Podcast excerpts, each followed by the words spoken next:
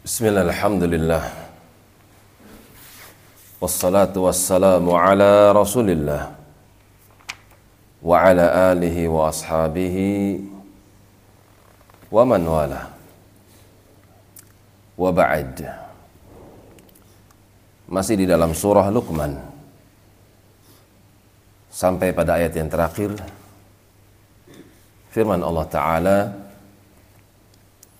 وما تدري نفس ماذا تكسب غدا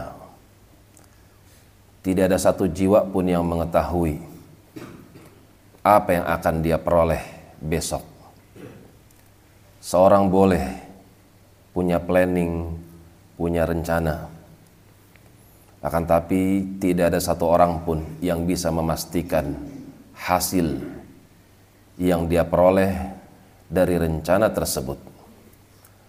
Seorang melamar sesuatu, apakah pekerjaan ataukah kaitannya dengan jodoh, maka dia boleh berharap, tapi kepastian di tangan Allah. Seorang jualan, berbisnis, melakukan suatu aktivitas kerja, bisnis, apakah dia berhasil, apakah dia memperoleh sesuatu daripada jenis usahanya, maka tidak ada satupun yang mengetahui jumlah yang dia peroleh dari usaha tersebut.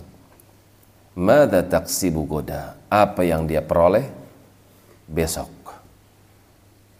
Apalagi bicara tentang akhirat, apakah dia penduduk surga atau sebaliknya dia penduduk neraka, tidak ada satupun yang mengetahuinya wa ma tadri nafsun bi ayyi ardin tamut.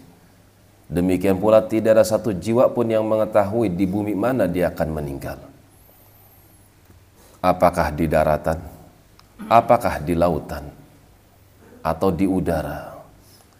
Kadang kita dapati ada seorang yang nggak pernah keluar daripada kampungnya. Dia cuma seorang petani. Akan tapi ketika datang masa tuanya, ternyata dia harus sakit dan dia harus dibawa ke rumah sakit.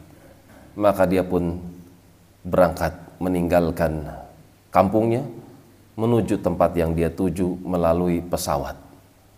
Ketika mendarat, mati dia. Ternyata dia mati di atas udara, bukan di daratan.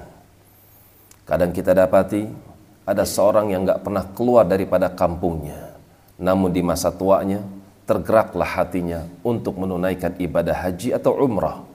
Ketika sampai di tanah suci, ternyata Allah panggil dia. Ternyata Allah menginginkan bagi hamba tersebut untuk wafat di tanah suci. Wa ma tadri nafsum bi ayyi ardin tamut. Tidak ada satu jiwa pun yang mengetahui di bumi mana dia akan mati. Innallaha alim. Sesungguhnya Allah Maha tahu kalian tidak tahu. Khabir dan dia maha teliti. Alimun mengetahui hal-hal yang zahir. Khabirun dia maha tahu hal-hal yang batin.